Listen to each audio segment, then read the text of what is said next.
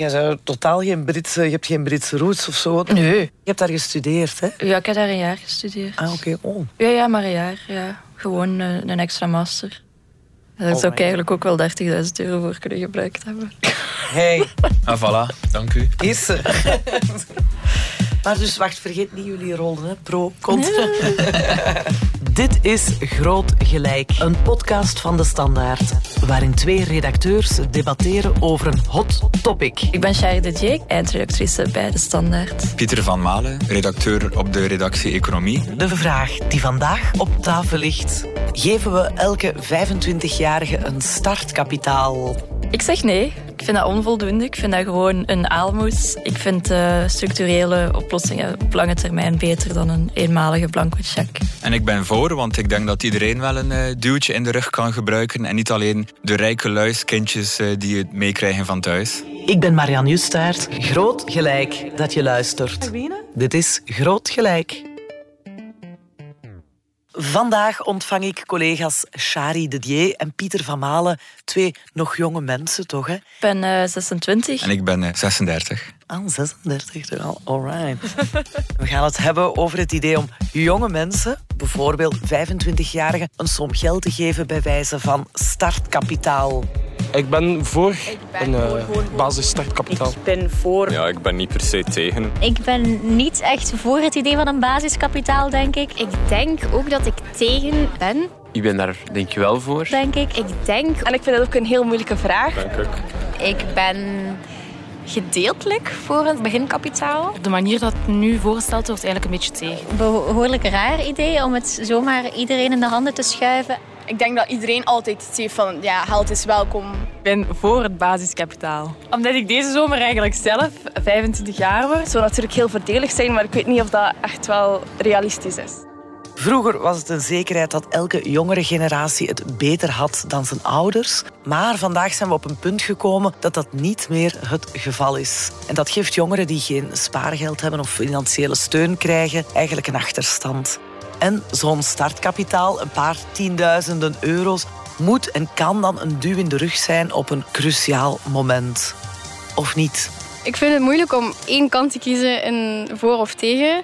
Ik denk dat dat heel welkom is bij een heel groot deel van de 25-jarigen, maar zeker niet iedereen heeft daar nood aan. Dus Zolang dat dan natuurlijk ook mensen nog altijd motiveert om effectief te gaan werken. Natuurlijk, als je zelf hard hebt gewerkt, een studentenjob of zo hebt gedaan en je hebt daardoor extra geld verdiend in de zomer, dan gaat je daar ook wel bewuster mee omgaan. Terwijl als je gewoon het geld in je handen geduwd krijgt, dan durf je nogal snel dat gewoon uit te geven. En Is het misschien slechts een doekje voor het bloeden? Ik zou het leuk vinden om zo'n cent te krijgen. Hè. Of een blanco cheque, een onverantwoorde tournee generaal. Maar dan denk ik, ja, opwarming van de aarde en zo, eh, klimaat, zijn daar niet eh, nog wat dingen, Um, armoede, gewoon binnen België, bij gezinnen, niet bij jongeren. 30.000 euro voor elke 25-jarige. Dat is wat Ecolo voorstelt. De Franstalige Groenen lanceerden hun idee niet in het parlement, maar op een eh, eigen partijcongres. Hoe zien zij dat concreet, Pieter? Wel ja, het voorstel van eh, Ecolo is, eigenlijk vrij simpel, denk ik. Zij willen elke 25-jarige een startkapitaal geven van 30.000 euro. Zonder daar echt voorwaarden aan te verbinden van wat ze daarmee moeten doen. Maar eh, ja, ze zien het dus echt als een, duwtje in de rug van een, een jongere ja, die de wijde wereld intrekt. Zo zie ik het, ja. Ja, een investering in de jeugd. Een Ja. investering in de jeugd, ja. Chef de groupe écolo fédéral, Gilles Van den Burg. Buur, bonjour. Bienvenue. Gilles Van den Burg, vous êtes le chef de groupe écolo à la Chambre des représentants. fait que nous estimons qu'effectivement, donner ce soutien aux jeunes quand ils se lancent dans leur projet de vie, c'est-à-dire que nous on estime que c'est 25 ans, Ouais. pour euh, acheter un appart, pourrait être plus pour, euh, pour créer une entreprise, pour euh, se lancer dans un projet immobilier, que sais-je, eh bien c'est à ce moment-là dont ils en ont besoin. Et c'est pour ça qu'on vient avec une proposition effectivement forte, mais une proposition aussi prospective qui lance un débat de société. Ja, Shari, jij bent die 25 net voorbij. Je bent 26. Nu, ik moet allicht eh, niet vragen of dat jij graag 30.000 euro zou krijgen. Ja, als, als je mij dat de eerste keer vraagt, dan zou ik zeggen ja. Maar het is, als je dieper begint na te denken, dan denk ik, goh, misschien is dat toch niet, eh, niet de ideale oplossing. En waarom niet? Dat geeft de verkeerde perceptie dat je smijt er een smak geld tegenaan en daarmee is alles opgelost. Maar ik denk, er zijn heel veel structurele problemen en heel veel kansen die voorbij geld gaan, die je daarmee helemaal niet oplost. Ik vind het interessant dat mijn gewaardeerde collega zegt dat het in het begin een aantrekkelijk voorstel lijkt, maar als je Ja. er goed over nadenkt, dat het dan geen goed voorstel zou zijn. Eigenlijk, als ik een beetje rondvraag, is iedereen meteen tegen het voorstel. Ja. En, en zegt iedereen meteen nee, dat kost veel te veel geld en dat is onwerkbaar. Of toch in Vlaanderen, maar daar, eh, daar komen we nog op. Het is eigenlijk een voorstel. Ik zie het net omgekeerd. Als je er een beetje over nadenkt, kun je er volgens mij net heel veel voordelen van zien. Vertel. Wel, een van die voordelen is natuurlijk, eh, zoals je het net zegt, vroeger eh, ging altijd alles maar beter. De volgende generatie kon de vruchten plukken van eh, wat de vorige generatie had gezaaid. En nu merk je, ja, de inflatie is heel hoog, huizen worden onbetaalbaar, Ja. de rente stijgt. Ja, dus het wordt steeds moeilijker voor jongeren om nadat ze van de schoolbanken weg zijn, ja, moet je dat zeggen? Het echte leven aan te vatten zonder hulp van eh, mama, papa Precies. of andere. Ja. En wat schiet er dan nog over? Ehm, ja, dat, dat, dat zijn dan de jongeren die het heel goed hebben van thuis. Ik heb zelf het geluk gehad toen ik mijn appartement kocht. Dat ik inderdaad een som heb meegekregen van mijn ouders. Die is intussen terugbetaald. Ah ja. Maar ehm, Met dat riante loon van de standaard hier. Het volstond niet. Eh, dus ja, daar hebben mijn ouders een steentje bij gedragen. Ja. Maar, maar absoluut niet iedereen Nee, zit in zo'n riante positie. Dus het voorstel op zich, daar moet zeker naar gekeken worden. Shari, jij zit hier in de contra-rol en ik zie dat je al argumenten in je mouw hebt zitten. Ja, wat je wel eens hoort onder tegenstanders van het startkapitaal is dat de overheid wel degelijk veel steunmechanismen heeft, veel vangnetten heeft. Ik denk aan de sociale zekerheid, de gezondheidszorg, maar even goed het onderwijs en zo. Ja, ja, dat is zo. Eh, maar die, als je kijkt, die zijn eigenlijk allemaal ja, een beetje aan het bloeden of die zijn onvoldoende. Stel nu, je, zit, ja, je kampt met geestelijke gezondheidsproblemen en je krijgt niet de gepaste hulp, maar je hebt wel 25.000 euro of 30.000 euro, dan denk ik, ja, daar, daar ben je vet mee. En ook het onderwijs en zo, dat zijn allemaal dingen die een goede basis leggen. En als je die niet hebt, dan denk ik, dan is die 30.000 euro, ja, wat moet je er dan mee doen? Hoor ik jou nu zeggen, geef dat geld niet zomaar aan jonge mensen, maar investeer het in de zorg, zeker ook de mentale gezondheidszorg, in onderwijs en zo, want daar zitten de noden. Ja, ik denk van wel. Omdat daar eh, creëer je die echte kansengelijkheid. Als iedereen dankzij de vangnetten gewoon ja, kan doen wat dat hij moet kunnen doen. Als je niet van thuis uit ouders hebt die helpen met eh, je huiswerk en zo. Maar je hebt wel een beter onderwijsnet, dat gaat ook al enorm veel helpen. En dat zijn dingen die je niet gewoon oplost door ja, een smak geld er tegenaan te gooien. Ja. Ja, dat doen we natuurlijk al, al decennia. Heel veel geld pompen in eh, onderwijs, in eh, gezondheidszorg, in eh, kinderbijslag. En toch zitten we vandaag met de problemen die er zijn. Dus eh, waarom niet eens een keer eh, denken van... zijn er geen eh, misschien minder voor de hand liggende oplossingen eh, waar we nog niet aan gedacht hebben? En dit zou er zomaar eentje kunnen zijn. En hoe wordt er gereageerd op het voorstel? Wel, in Wallonië lijkt het erop dat het een breed draagvlak heeft, omdat er toch veel partijen, ook de PS en de MR, kwamen al met gelijkaardige voorstellen. Zeker niet één op één vergelijkbaar eh, met dat als ecolo. Ook in Vlaanderen komt het af en toe ter sprake. Maar op dit moment lijkt het er wel niet naar op dat Vlaamse partijen eh, het Nee. idee erg genegen zijn. Ja, ik denk dat de Vlamingen meer op eh, de lijn van eh Shari zitten. Allee, als ik eh, de sociale media erop nasla. Ja, dat is waar. Als je ziet op sociale media, Ecolo wordt daar helemaal afgebrand, om maar niet te zeggen uitgelachen. Het idee is, ja, het is onrealistisch en ook, ja, ga je dat dan aan iedereen geven? Ga je dat ook geven aan ja, de rijke jongeren die eigenlijk al genoeg geld hebben? Dan hebben die gewoon nog meer geld. Ja. Is dat, is dat wel de manier om, om dat te doen? En is dat wel realistisch? Ja, het is op geen enkele manier een, een doelgroepenbeleid hè, of een gerichte maatregel, eh ciblé, zoals ze dat dan in Franstalig België zeggen. Dus het is voor iedereen natuurlijk. Hè. Ja, en ergens is dat mooi. Dat is dat idee van oh, gelijkheid, iedereen hetzelfde. Maar tegelijk, ja, niet iedereen is gelijk. Niet iedereen vertrekt van hetzelfde beginpunt. En ja, bijvoorbeeld die duurdere huizen. Stel nu, je bent 25, je hebt al 30.000 euro bijeengespaard. Grotendeels waarschijnlijk dankzij de ouders. Dan krijg je daar nog eens een hele hoop geld bij. ja, natuurlijk zit je dan nog altijd met een voordeel ten opzichte van leeftijdsgenoten. Je gaat nog altijd kunnen overbieden en zo. Ja. Dat lost het probleem niet op. Eh, Jij zei al iets heel interessant over die voorwaarden, hoe voorwaardelijk eh, of niet voorwaardelijk die som dan is. Maar laat ons eerst eens kijken naar dat bedrag, hè, 30.000 euro. Ja, doe je daar echt iets eh, fundamenteel mee nog vandaag? Is dat een ehm, substantieel bedrag of ja, springen we daar ook niet echt verder mee? Ja, ik denk 30.000, dat is veel. Maar tegelijk voor een, voor een huis ja, is dat ook nog altijd niet genoeg. En ook, het is niet alleen uw ehm, beginkapitaal, uw loon voor de rest van uw leven. Je moet het ook wel kunnen betalen. Hoe gaan we vermijden dat mensen dan een te hoge lening aangaan die ze niet kunnen afbetalen, die ze dan dieper de schulden inwerkt? Want ja, ze hebben alleen maar geld gehad, maar eigenlijk niet heel die omkadering, niet die kennis, niet dat sociale en culturele kapitaal, alleen maar dat financiële. Ja, over die 30.000 euro wil ik toch eens zeggen, eh, als ik dan naar mezelf kijk. Ik heb dus van mijn ouders, zoals ik al zei, wel wat steun gehad. En dat was minder dan 30.000 euro.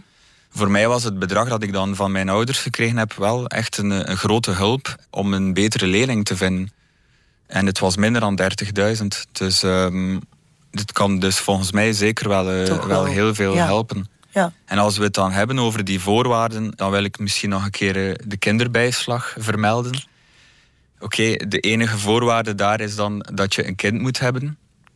Uiteraard. Maar daar worden ook helemaal geen, voor- voorwaarden nee, gesteld. Je kunt van, met eh, het kindergeld, of tegenwoordig heet dat groeipakket, eh, Groeipakket, geloof ik. ja. Hè? Ja, groeipakket. Voilà, je er is niemand beter. die zegt dat je... Ja, je kunt daar inderdaad eh, drank en drugs mee kopen als, Als je de- zou willen. Hè? Ja. Inderdaad, dus ehm, er is niemand die zegt dat je dat moet besteden aan eh, schoolboeken of aan, aan Mhm. weet ik veel wat. Ja, je zou er ook gewoon mee op café kunnen gaan. Ja, ja. En toch is er, hoor ik niemand zeggen, eh, we moeten de kinderbijslag eh, afschaffen. Ja. Een eigen huis, een plek onder de zon. En altijd iemand in de buurt die van me houden kon. Toch wou ik dat ik net iets vaker, vaker simpelweg gelukkig was. Wat jij zei over eh, je huis of je appartement is niet uitzonderlijk. Uit een recent onderzoek van verzekeraar Etias bij duizend jonge mensen, allee, tussen 16 en 30 jaar, blijkt dat bijna 30% een financiële duw in de rug krijgt van de ouders als ze hun eerste woning willen kopen. En dat is dan gemiddeld 25.000 euro.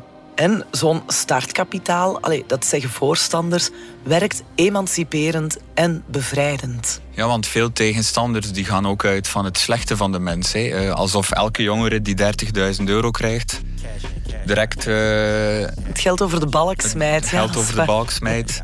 Ik ging bijna zeggen naar de hoeren gaat, maar ik denk niet dat dat... Shit. Ja, maar ja, ook dat, ook dat is des mensen. Hè. Mogelijk eh, Ja. zijn er inderdaad wel jongeren die het daar graag aan zouden besteden. Maar inderdaad, we mogen er niet van uitgaan dat elke 25-jarige direct zijn 30.000 euro opsoepeert aan slechte zaken. En Mhm. Daarom denk ik ook dat de, dat de liberalen, de MR, ook voor het voorstel zijn. Want vanuit hun ideologie gaan ze inderdaad uit van de vrijheidsgedachte. En dat ja, tot zelfontplooiing leidt. Werkt het volgens jou bevrijdend, Shari? Wel, ik moet zeggen, ja, ik heb filosofie gestudeerd, Sartre. Die zegt, ja, vrijheid, dat is eigenlijk ook eh, heel beklemmend. Je bent ook gedwongen om vrij te zijn. En als je zoveel geld krijgt, dan zijn er toch verwachtingen van de maatschappij, maar ook van jezelf, om daar dan iets mee te doen. Om daar dan iets van je leven te maken. Maar, als je nu 25 bent en je denkt, ja, ik wil helemaal nog geen appartement. Ik wil, die, ik wil daar nog niet aan vastgekluisterd zitten. Ik wil gewoon reizen. Of ik wil zelfs niet reizen. Ik wil gewoon mezelf zijn. En ja, Ja, het recht op luiheid. het, ja claimen. eigenlijk wel. Het, het recht op luiheid. En ook het, het recht om, om te falen. Want stel, het lukt niet. Ja, dan kun je bij jezelf beginnen denken... Of dan kan de maatschappij beginnen zeggen van... Ja, je hebt wel al dat geld gehad. En Ja. kijk, wat heb je ermee Ja. gedaan? Niks. Ja. En ik denk, dat is zo'n grote druk... die op je schouders gelegd wordt samen met dat geld... dat je dat niet alleen maar als bevrijdend kunt zien. Ja, en ook in de omgeving. Hè. Dat zie je zo bij lotto-winnaars wel. Dat als één iemand dan ineens een som geld krijgt, money for nothing, dat verandert toch de dynamiek binnen een, een familie, een, groep vrienden, een, een omgeving zo. Uh, niet altijd evident hè, om daar op een volwassen manier dan mee om te gaan. Ja, ik kan mij voorstellen als je opgroeit in een, in een arm gezin en ja, mensen van 26, ik ga zelf ook nog regelmatig bij mijn ouders, die, die zijn daar wel, die kunnen dan ook, ja, je gaat die dan ook niet in armoede laten leven natuurlijk. Of die gaan naar dat geld beginnen vragen en dat gaat allerlei spanningen creëren die, ja, die gewoon alles nog veel moeilijker maken, denk ik. Ja. Shari, je hebt van de overheid net 30.000 euro gekregen. Ja. Uh, tijd om voor Vaderdag een Vespa te geven. ja, maar ja, het is niet, niet ondenkbaar natuurlijk. Nee, hè? Alles kan dan. Uh... Maar goed, we doen hier nu wel alsof de, de maatregel ook heel veel geld zou kosten. En inderdaad, Ecolo kwam met een berekening dat het 2,5 miljard zou vereisen. Maar daar tegenover zeggen ze: oké, we hebben dit niet zomaar verzonnen. Eh, we hebben dit laten narekenen door de KU Leuven, toch de nummer één universiteit mhm. van het land. En uh, die zeggen. Uh, Oké, wat, wat je na de investering van die 2 miljard zou oogsten, dat zou zomaar even 6 miljard euro kunnen opbrengen. Ja. Want natuurlijk, geld dat je in de economie steekt, dat gaat op den duur ook renderen. Dus uh, we zitten hier zomaar te denken alsof het uh, alleen maar een dure maatregel is. Maar op den duur pluk je er natuurlijk wel de vruchten van. De vruchten van. Geloof jij dat, Shari, brengt zo'n maatregel echt iets op? Goh, ik wil dat graag geloven. Maar ik denk dan, ja, het, het moet wel van ergens komen natuurlijk. Voor het kan renderen, moet je dat geld al hebben om het ergens in te steken. En ja, waar ga je dat geld dan vandaan halen? Ja, het, wel, ja. het slaat eerst enkele generaties een gat natuurlijk. Uh, Kijk, uh, dan natuurlijk bijvoorbeeld baat bij een belasting voor de superrijken in dit land van 1%. Er zijn andere voorstellen om bijvoorbeeld de erfbelasting aan te passen. Dus die, die te verhogen, eh, vermogensbelasting komt vaak terug. dus eh, Er, zijn wel, er zijn wel enkele ideeën.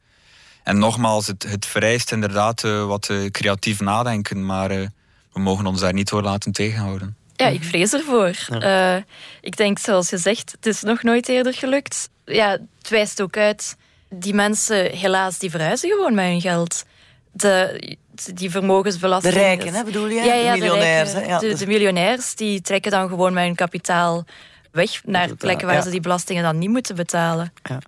Zoals altijd in Groot Gelijk trokken wij ook de straat op om eens te horen wat de jongeren er zelf van denken. En onze collega Glen van Muilen die ging weer in Gent eens horen bij twintigers. Doen we dat nu? Is dat een goed idee? Geven we elke 25-jarige een startkapitaal?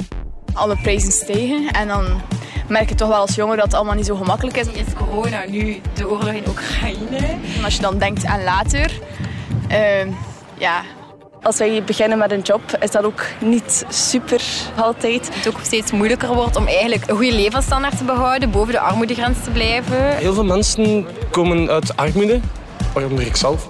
Momenteel, wij als jongeren, is het heel moeilijk om bijvoorbeeld een huis te kopen. Ik studeer ook af over een week hopelijk. Ik ben ook stil aan het zien voor een huis. En met het huidig vermogen dat ik heb, kan ik niks doen. Het zou misschien inderdaad wel positief kunnen zijn. Misschien wordt die kloof dan juist wel iets meer gedicht. Ik denk dat voor iedereen eigenlijk belangrijk is wel dat we gewoon allemaal gelijk beginnen. Maar het is, het is een heel moeilijke kwestie aangezien ja, je hebt arme mensen die het goed willen doen, die ook willen werken. Dan vind ik zeker en vast dat zij een bijdrage mogen krijgen. Maar je hebt natuurlijk ook andere mensen die misschien iets minder moeten doen. Ja, mensen die al voldoende hebben en het eigenlijk niet nodig hebben. Dat voor de rest misschien wel een beetje verspilling kan zijn. Ja, maar wie zegt dat misschien de rijke ouders dat die al sowieso het geld aan hun kinderen gaan geven? Dan denk ik dat eigenlijk onze sociale opvangnetten dat ze daar beter een algemene ondersteuning zouden ingeven, denk ik. Ik denk dat structurelere maatregelen beter zijn. Problemen van bij de kern aanpakken en niet... We gaan hier een keer een maatregel introduceren om ons imago te verbeteren. 30.000 euro, ja, zou natuurlijk heel voordelig zijn, maar ik weet niet of dat echt wel realistisch is. Vanaf dat dat ja, te hoog of te laag gaat, zal dat dan ook weer andere problemen met zich meebrengen. Als het te hoog gaat, gaan mensen niet meer gemotiveerd zijn om op andere manieren geld te verdienen. Uh, en als het te laag gaat, gaan ja, mensen niet meer genoeg hebben. En dan is het ook niet meer zo extreem nuttig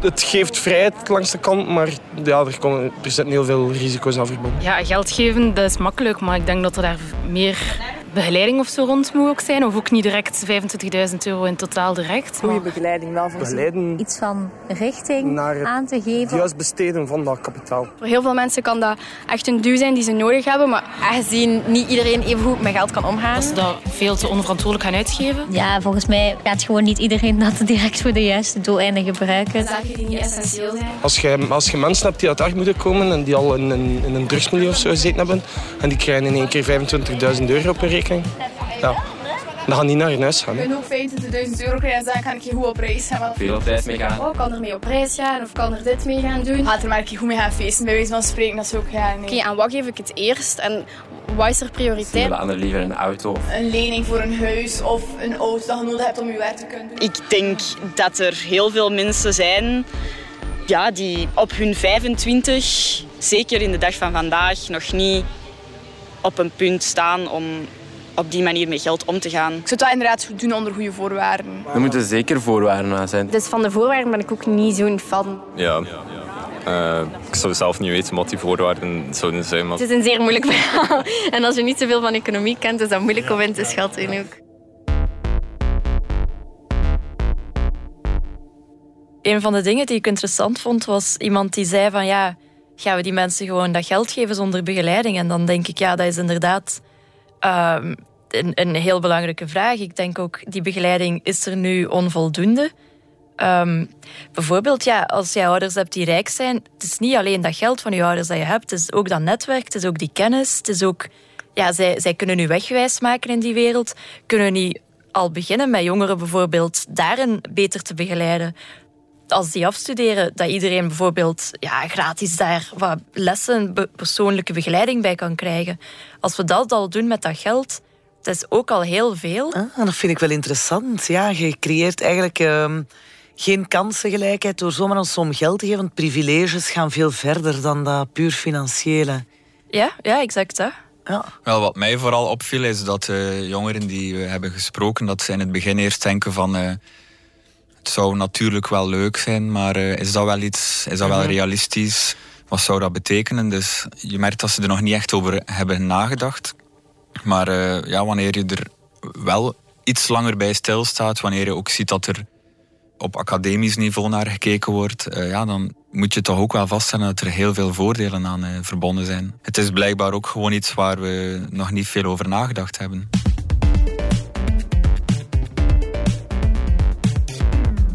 We moeten het toch nog over de voorwaarden hebben. Geef je dat zomaar voor niets zonder er eh, ja, voorwaarden aan te koppelen?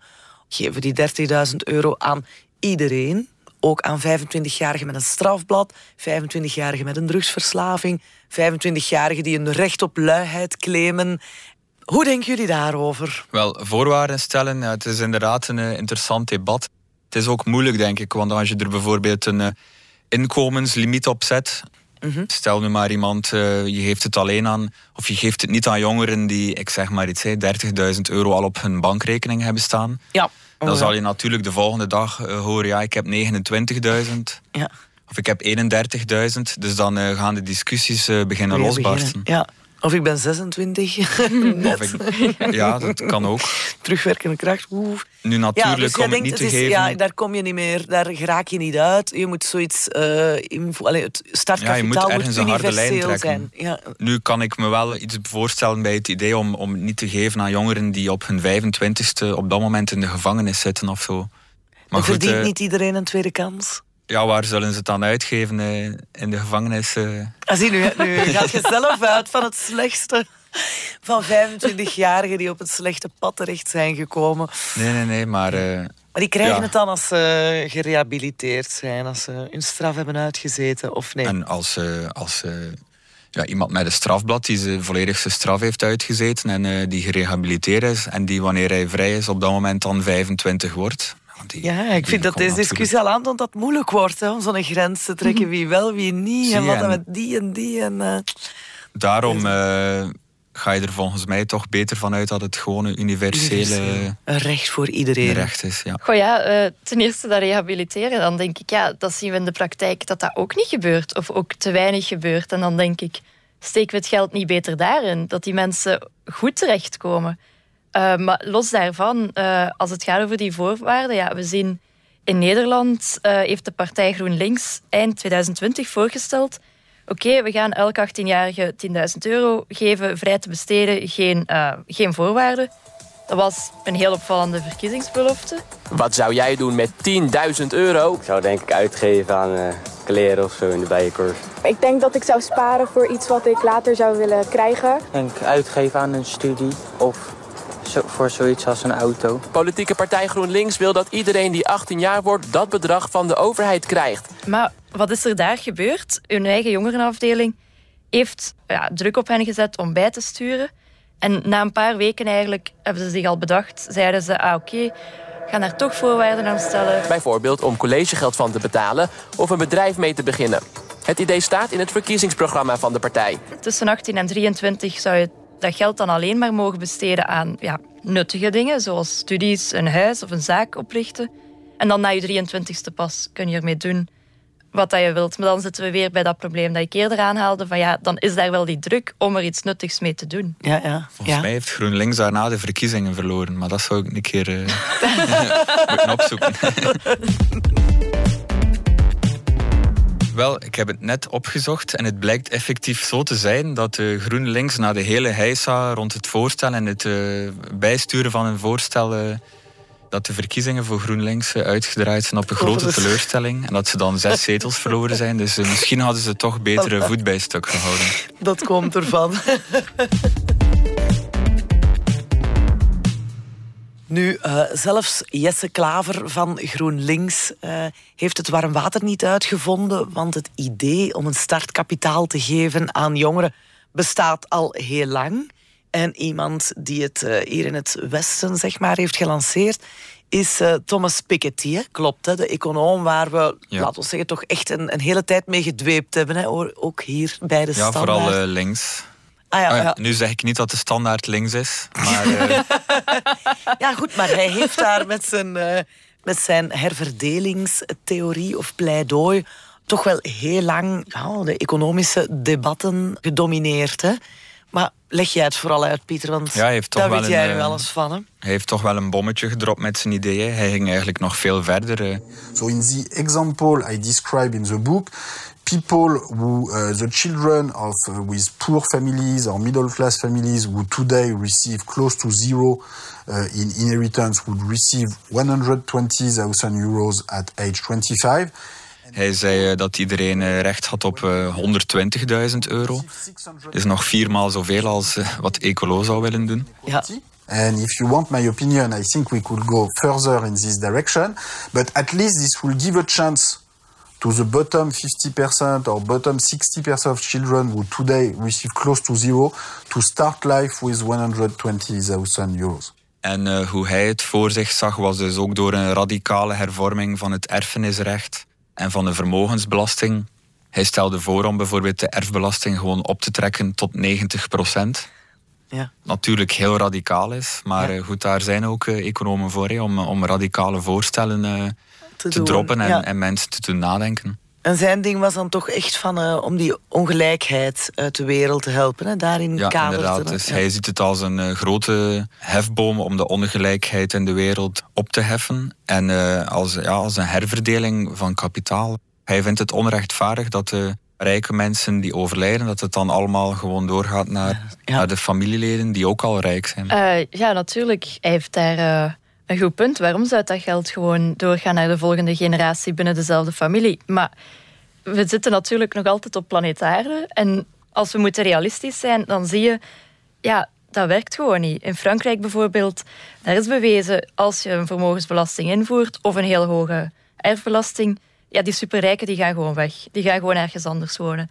Dus hij is tegelijk heel radicaal, maar ook nog niet radicaal genoeg. Want hij heeft nog niet uitgedacht hoe gaan we dat aanpakken. Hoe gaan we gewoon het kapitalisme op zich herdenken. In zijn herverdelingsgedachte heeft hij eigenlijk geen volledige hervorming van het kapitalistische systeem uh, voorgesteld, of toch niet concreet. En ja, dat is ook de kritiek geweest op zijn voorstel van het is één aspect, maar het gaat veel breder dan dat. Wel, hij is inderdaad niet radicaal genoeg in die zin van uh, een land alleen zou dit inderdaad uh, zou op moeilijkheden stoten als het invoert Maar eh, waarom dit dan bijvoorbeeld niet... eh, ja, we zitten in de Europese Unie. We zouden dit ook op een veel hoger niveau kunnen invoeren. Elke Eh, jonge Europeaan een Europees dividend. Je Heeft zal de opkomst bij de Europese? Ja. verkiezingen de hoogte zien ingaan.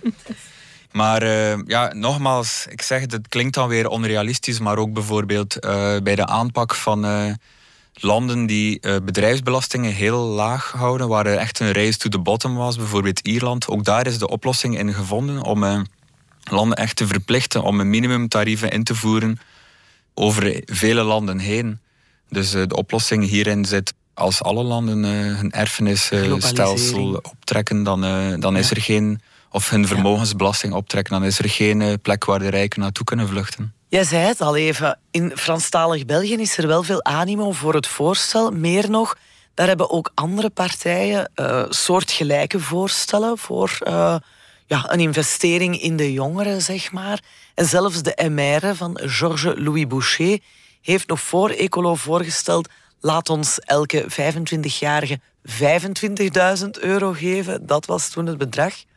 Maar die jongeren moeten het dan wel besteden aan ofwel een studie, ofwel een huis, ofwel een eigen zaak. Alsof enkel dat eh, lovenswaardige bezigheden zouden zijn. Nu goed, eh, het is natuurlijk een liberaal, dus het is een liberaal voorstel om het dan eh, te besteden aan een, aan een studie of een zaak.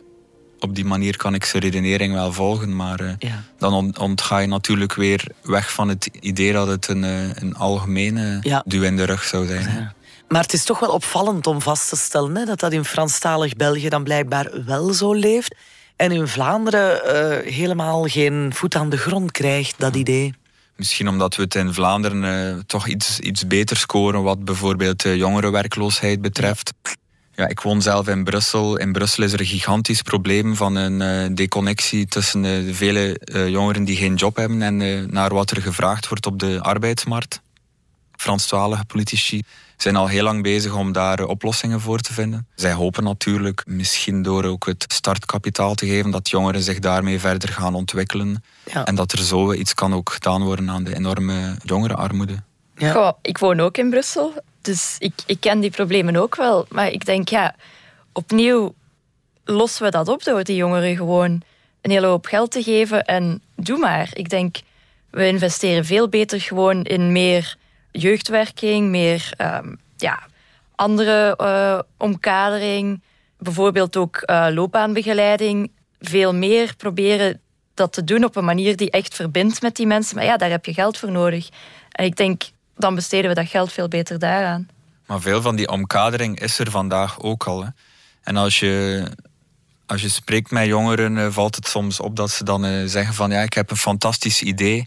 Maar eh, ja, ik moet aan eh, geld proberen te geraken om het Ja. uit te voeren. En dan gaan ze Ehm, crowdfunding opstarten. Dan starten ze een crowdfunding bijvoorbeeld. Ehm, waarom niet eh, het hen laten proberen? En ja, er zal ongetwijfeld ook af en toe eens iemand op de, op de bek gaan en dan is het geld verloren. Maar eh, er zullen ook zoveel goede ideeën dan echt wel kunnen ontkiemen en eh, ja, tot iets, iets groot kunnen uitgroeien. Ja, natuurlijk, er zijn mensen met hele goede ideeën. En ik vind, waarom verlagen we dan niet gewoon de drempel voor die mensen om bijvoorbeeld aan een, aan een startkapitaal te geraken met een heel concreet doel dan? In plaats van gewoon iedereen, ook degene die eigenlijk ja, geen fantastische ideeën hebben, gewoon een smak geld te geven.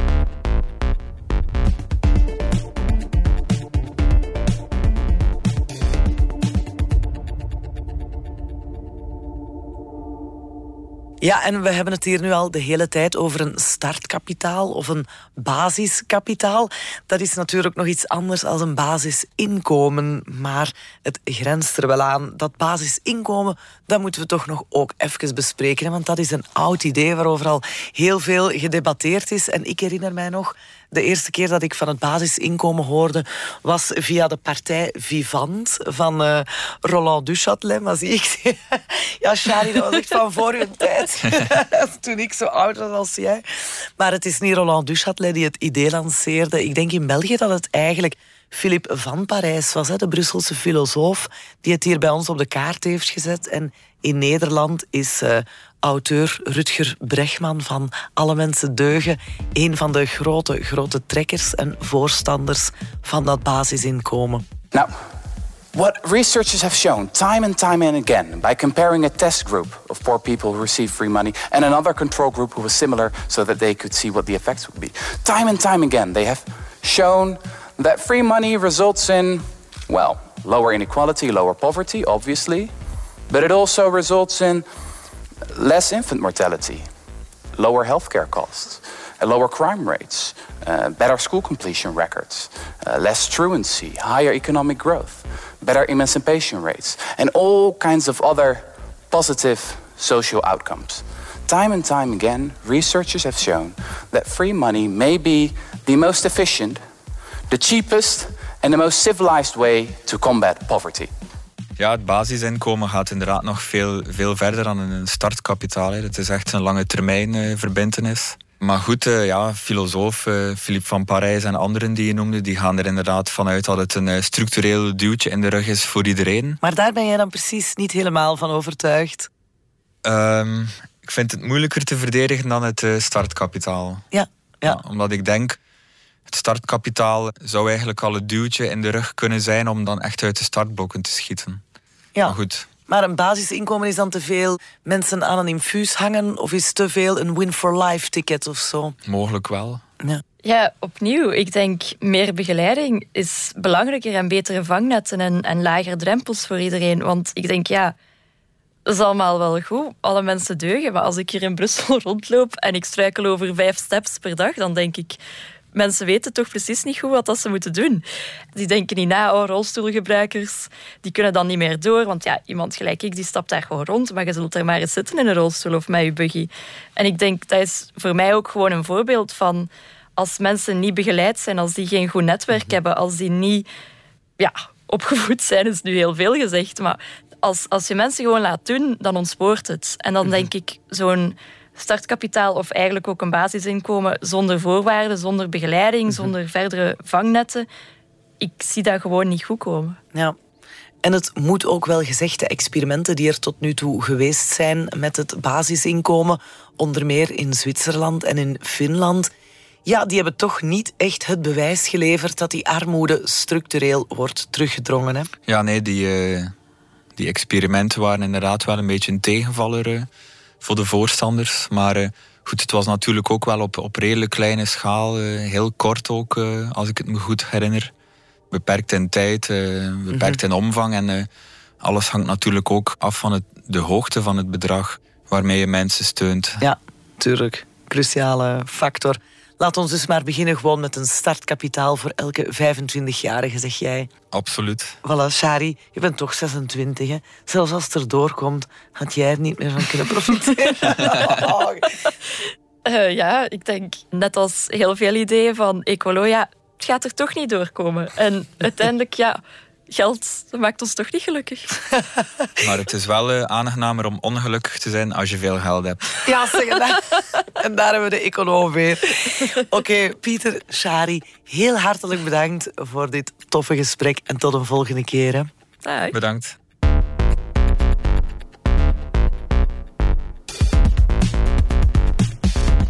Dit was Groot Gelijk, de tweewekelijkse debatpodcast van De Standaard. Bedankt om te luisteren. Reageren kan en mag, graag zelfs via podcast.standaard.be. Wij zijn er terug op dinsdag 5 juli. Hopelijk tot dan. Dag.